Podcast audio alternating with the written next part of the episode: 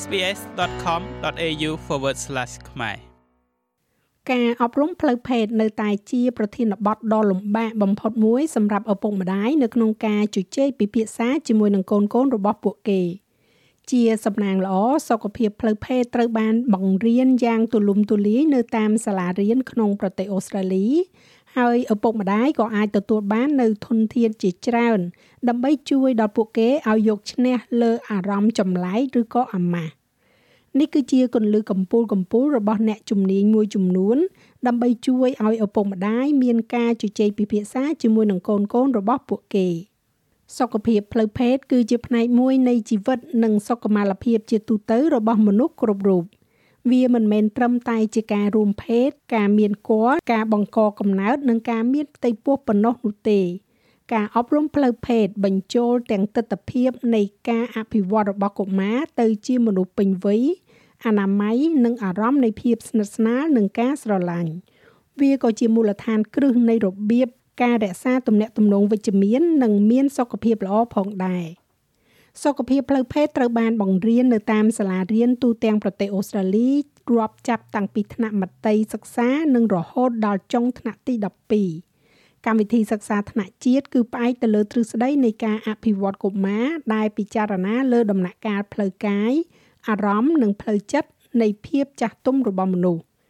លោកស្រី Rini West គឺជាទីប្រឹក្សាថ្នាក់វិទ្យាល័យនៅនាយកដ្ឋានអប់រំនៃរដ្ឋ New South Wales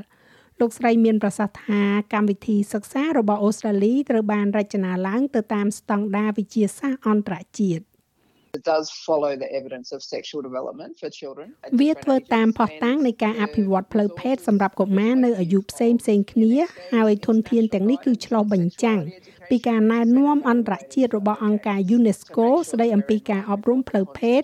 ដែលត្រូវបានវាតម្លៃអស់ជាច្រើនទសវត្សរ៍ដើម្បីប្រកាសថាយើងស្របតាមគោលគំនិតទាំងនោះនិងអ្វីដែលគួរត្រូវបានបង្រៀនដើម្បីធ្វើឲ្យប្រកាសថាវារួមបញ្ចូលសិស្សទាំងអស់នៅក្នុងថ្នាក់នៅក្នុងថ្នាក់មត្តេយកុមារចាប់ផ្ដើមដោយការរៀនស្គាល់ឈ្មោះត្រឹមត្រូវសម្រាប់ផ្នែកនៃរូបរាងកាយនិងមុខងាររបស់វា នៅពេលដែលពួកគេកាន់តែធំឡើងធំឡើងមេរៀននឹងពង្រីកទៅដល់ការបង្កកំណើតនិងការមានផ្ទៃពោះ in the early primary years they're learning about their body នៅអាយុបឋមសិក្សាដំបូងដំបូងពួកគេកំពុងរៀនអំពីរូបរាងកាយរបស់ពួកគេនិងការផ្លាស់ប្ដូររាងកាយអំឡុងពេលពេញវ័យពួកគេនឹងរៀនអំពីសុខភាពបន្តពូជនិងការមករដូវនៅក្នុងឆ្នាំក្រោយៗនៃសាលាបឋមសិក្សាហើយបន្ទាប់មក ពេលចូលរៀននៅវិទ្យាល័យឬក៏មធ្យមសិក្សាជាទីដែលពួកគេចាប់ផ្ដើមស្វែងយល់បន្ថែម អំពីអាកប្បកិរិយាផ្លូវភេទការមានផ្ទៃពោះវិធីសាស្ត្រការពារកុំឲ្យមានផ្ទៃពោះជំងឺឆ្លងតាមរយៈការរួមភេទឬក៏ជំងឺកាមរោគនៅពេលដែលសិស្សឈានដល់ភាពចាស់ទុំខាងផ្លូវមโนសញ្ចេតនាកាន់តែច្រើនឡើង នៅពេលជំទង់ពួកគេបង្រៀនអំពីប្រធានបទដ៏ស្មុគស្មាញជាងមុនជុំវិញការមានទំនាក់ទំនងការយល់ព្រមនិងភាពស្និទ្ធស្នាល they'd also learn about aspects of ពួកគេក៏រៀនអំពីទស្សនវិជ្ជានៃចំណុចឯកជន និងស្វ័យភាពនៃរាងកាយព្រមទាំងអាកប្បកិរិយាការពារផងដែរ កម្មវិធីសិក្សារបស់សាលារៀនគឺផ្ដោតយ៉ាងសំខាន់ទៅលើលទ្ធផលវិជ្ជមានសម្រាប់សិស្សដូច្នេះហើយអ្វីដែលពួកគេកំពុងរៀនគឺការយល់ដឹងអំពីរាងកាយរបស់ពួកគេនិងរបៀបដែលរាងកាយរបស់ពួកគេដំណើរការនិងទួនាទីរបស់ពួកគេនៅក្នុងទំនាក់ទំនងនៅពេលដែលពួកគេធ្វើដំណើរនៅក្នុងឆាកជីវិត លោកស្រី West មានប្រសាសន៍ថាគ្រូបង្រៀនសម្របសម្រួលកម្មវិធីសិក្សាទៅតាមបរិបទវប្បធម៌និងសាសនានៅក្នុងសាលារបស់ពួកគេគណៈពេលដែលធ្វើឲ្យមានតុល្យភាពនៃគុណតម្លៃនៃសហគមន៍ចម្រុះជាតិសាសន៍និងការរាប់បញ្ចូល។សាលារៀននៅក្នុងរដ្ឋ New South Wales ជាទូទៅគឺជូនដំណឹងដល់ឪពុកម្ដាយនៅពេលដែលពួកគេនិយាយអំពីប្រធានបទតាក់ទងទៅនឹងការរួមភេទនិងរបៀបបង្រៀន ជាញឹកញាប់សាលាបានคล้ายទៅជាវេទិកាដើម្បីពិភាក្សាអំពីបញ្ហាដែលមិនត្រូវបានគេលើកយកមកនិយាយនៅក្នុងផ្ទះ If I'm totally honest most young people ប្រសិនបើខ្ញុំនិយាយដោយស្មោះអស់ពីចិត្តក្មេងៗភាគច្រើននៅក្នុងថ្នាក់រៀនរបស់យើងមិនថាអាយុប៉ុន្មាននោះទេគឺពួកគេចង់ដឹងចង់ឮខ្លាំងណាស់ហើយពួកគេគ្រាន់តែចង់ដឹងថាអ្វីដែលកំពុងកើតឡើងចំពោះពួកគេគឺជារឿងធម្មតាហើយមនុស្សផ្សេងទៀតក៏កំពុងជួបប្រទះដូចគ្នាដែរ ផុសតាំងមួយក្នុងចំណោមផុសតាំងដែលយើងដឹងគឺថាការអប់រំផ្លូវភេទប្រកបដោយប្រសិទ្ធភាពពិតជាពន្យាពេលការចាប់ផ្ដើមនៃការរួមភេទដូច្នេះពេលដែលយើងអាចបង្រៀនបានកាន់តែឆាប់ហើយយើងអាចបង្រៀនបានកាន់តែច្រើនពួកគេក៏មានការយល់ដឹងកាន់តែច្រើននិងការសម្រេចចិត្តដែលពួកគេធ្វើកាន់តែប្រសើរលោកស្រី Kathy Zemaitis គឺជានាយកកម្មវិធីសិក្សាសម្រាប់មធ្យមសិក្សានៅនាយកដ្ឋានអប់រំនៃរដ្ឋ New South Wales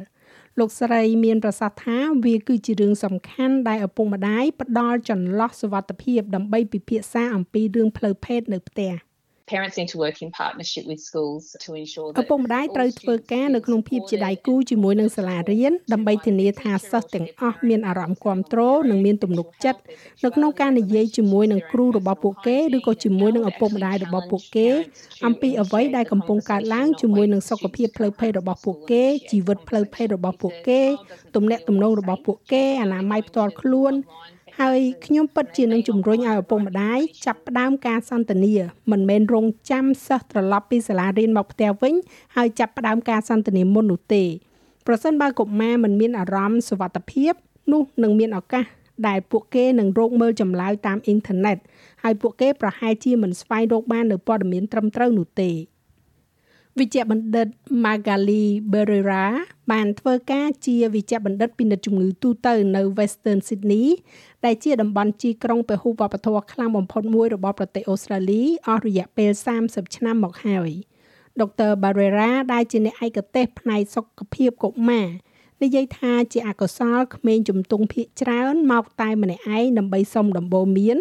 ដោយសារតែពួកគេមានអារម្មណ៍ថាពួកគេមិនអាចនិយាយអំពីការរួមភេទនៅផ្ទះបានទេ In my experience the minority of my patients តាមបទពិសោធន៍របស់ខ្ញុំអ្នកជំងឺរបស់ខ្ញុំភាគតិចទេដែលបាននិយាយជាមួយម្ដាយឬក៏បានមកជាមួយម្ដាយដើម្បីស្នើសុំការពិគ្រោះបញ្ហាតាក់ទងទៅនឹងផ្លូវភេទ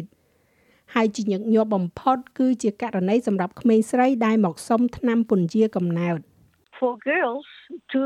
talk openly សម្រាប់ក្មេងស្រីស្រីការនិយាយដោយបើកចំហជាមួយឪពុកម្ដាយរបស់ពួកគេអំពីការអប់រំផ្លូវភេទគឺកម្រណាស់ខ្ញុំមិនដឹងថាវាជាការខ្មាស់អៀនចេញពីភាពលំអៀងនៃវប្បធម៌ឬក៏ហេតុអ្វីនោះទេប៉ុន្តែនៅពេលដែលខ្ញុំនិយាយថាតើអ្នកបាននិយាយជាមួយម្ដាយអំពីរឿងនេះទេភាគច្រើនពួកគេនិយាយថាអត់ទេខ្ញុំចង់និយាយជាមួយអ្នកជាង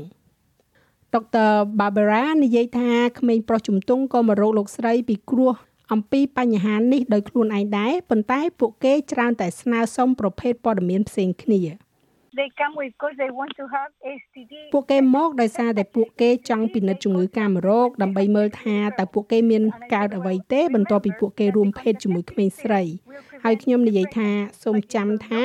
ថ្នាំគ្រាប់ពន្យាកំណើតនឹងការពារការមានគល់ប៉ុន្តែវានឹងមិនការពារជំងឺឆ្លងដែលបណ្ដាលមកពីការរួមភេទនោះទេ វិជ្ជបណ្ឌិត Barbara និយាយថាឪពុកម្ដាយភាគច្រើនមកជាមួយកូនកូនរបស់ពួកគេដើម្បីពិភាក្សាអំពីសុខភាពផ្លូវភេទ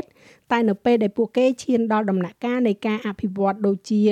នៅពេលដែលក្មេងស្រីមានរដូវដំបូងនៅពេលដែលក្មេងប្រុសសើមខោដំបូងនៅពេលដែលកូនចាប់ផ្ដើមសម្រេចកាមដោយខ្លួនឯងឬក៏នៅពេលដែលមានបញ្ហាតាក់ទងទៅនឹងភាពពេញវ័យលោកស្រីបានឆ្លៀតឱកាសទាំងនេះដើម្បីបើកការពិភាក្សាអំពីសុខភាពផ្លូវភេទ។ ទោះជាយ៉ាងណាក៏ដោយជារឿយៗលោកស្រីប្រឈមមុខទៅនឹងបញ្ហានៃការប្រឆាំងទៅនឹងជំនឿសាសនារបស់គ្រួសារមួយចំនួនដុកទ័រ Barrera មានប្រសាសន៍ថាលោកស្រីព្យាយាមជំនះនៅការលំបាកដោយការគោរពប្រកាន់ខ្ជាប់ទៅនឹងព័ត៌មានវិទ្យាសាស្ត្រពិត និងដោយការប្រើនៅឧបករណ៍ជំនួយ I always ask permission ខ្ញុំតែងតែសុំការអនុញ្ញាតពីកុមារដើម្បីពិនិត្យពួកគេហើយប្រសិនបើពួកគេនិយាយថាទេ គឺទេហើយ ខ្ញុំក៏និយាយថាមិនអីទេតែខ្ញុំអាចបង្ហាញរូបភាពដល់អ្នកហើយអ្នកអាចប្រាប់ខ្ញុំថារូបភាពណាដែលសម្គាល់អំពីអ្នកបានទេហើយការធ្វើបែបនោះគឺជួយបន្ធូរអារម្មណ៍ពួកគេហើយបង្រៀនពួកគេក្នុងពេលតែមួយ ថានៅពេលដែលពួកគេនិយាយថាទេនោះគឺទេដូច្នេះតើឪពុកម្ដាយអាចយកឈ្នះលើអសន្តិសុខរបស់ពួកគេបានដោយរបៀបណានិងអាចដោះស្រាយបញ្ហាសុខភាពផ្លូវភេទជាមួយកូនៗរបស់ពួកគេបានដោយរបៀបណា ដុកទ័រ Barrera ណែនាំឲ្យរក្សានៅរឿងសាមញ្ញសាមញ្ញនិងការពិត ដើម្បីជៀសវាងការភ័ន្តច្រឡំ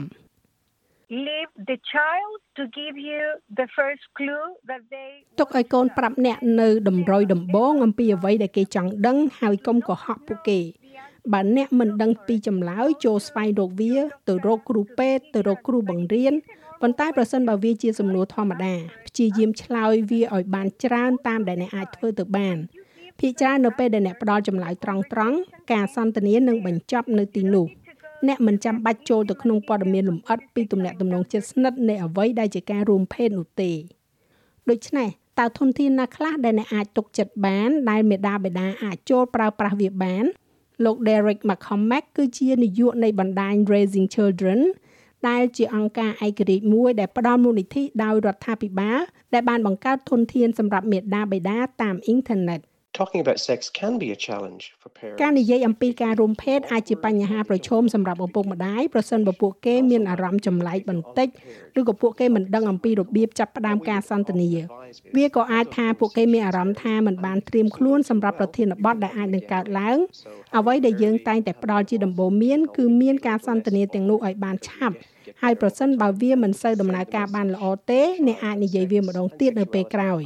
ដូច្នេះការប្រាប់ពួកគេឲ្យបានកាន់តែឆាប់និងឲ្យបានកាន់តែញឹកញាប់អាចជួយឲ្យវាមានអារម្មណ៍ថាមិនសូវជាមានការឆ្គាំឆ្គងដោយសារតែអ្នកមានអារម្មណ៍កាន់តែប្រសើរឡើងទៅតាមពេលវេលា ហើយវាអាចផ្ញើសារទៅកូនកូនរបស់អ្នកថាការរួមភេទនិងបញ្ហាផ្លូវភេទគឺជាផ្នែកមួយដែលមានសុខភាពល្អនៅក្នុងជីវិត។ គេហទំព័រ Racing Children មានធនធានជាច្រើនដែលអាចរកបានដើម្បីណែនាំឪពុកម្ដាយអំពីរបៀបធ្វើការសន្ទនាទៅតាមវ័យរបស់កូន អំពីសុខភាពផ្លូវភេទជាមួយនឹងកូនកូនរបស់ពួកគេលោក McCormack ណែនាំឲ្យឪពុកម្ដាយត្រៀមខ្លួនដោយស្វែងរកព័ត៌មានជាមុន For children up to the age of 8they might សម្រាប់កុមាររហូតដល់អាយុ8ឆ្នាំ ពួកគេប្រហែលជាចង់ដឹងថា តើរាងកាយរបស់ក្មេងស្រីនិងក្មេងប្រុសខុសគ្នាយ៉ាងណាទារកកើតចេញមកពីណា និងប្រធានបទអីបែបនោះហើយនេះគឺជាគន្លឹះដ៏ល្អមួយ ពួកគេអាចចាប់ផ្ដើមដោយការសួរកូនរបស់ពួកគេនៅអ្វីដែលពួកគេដឹង និងអ្វីដែលពួកគេគិតអំពីប្រធានបទទាំងនោះ ឧទាហរណ៍កុមារអាយុពី9ទៅ11ឆ្នាំប្រហែលជាមានសំណួរជុំវិញផ្លូវភេទនិងទំនាក់ទំនងការសម្រេចកាមដោយខ្លួនឯងនិងគ្រប់ផ្នែកទាំងអស់នៃការអភិវឌ្ឍផ្លូវភេទធម្មតានៅក្នុងរង្វង់របស់មនុស្សចាស់អ្នកជំនាញផ្នែកអប់រំលោកស្រី Rini West ចែករំលែកគន្លឹះចុងក្រោយសម្រាប់អ្នកដែលមានអារម្មណ៍ខ្មាស់អៀនយ៉ាងដូចនេះថា The best time to have a conversation is in the car. ពេលវេលាដ៏ល្អបំផុតនៅក្នុងការសន្ទនាគឺនៅក្នុងឡាន អ្នកមិនចាំបាច់មើលមុខគ្នានោះទេប៉ុន្តែអ្នកមិនអាចដើរគេចចេញបានឡើយចាស់ហើយរបាយការណ៍នេះចងក្រងឡើងដោយ Claudiana Blanco និងប្រែសម្រួលសម្រាប់ការផ្សាយរបស់ SPS ខ្មែរដោយនាងខ្ញុំហៃសុផារ៉ានីចុច like share comment និង follow SPS ខ្មែរនៅលើ Facebook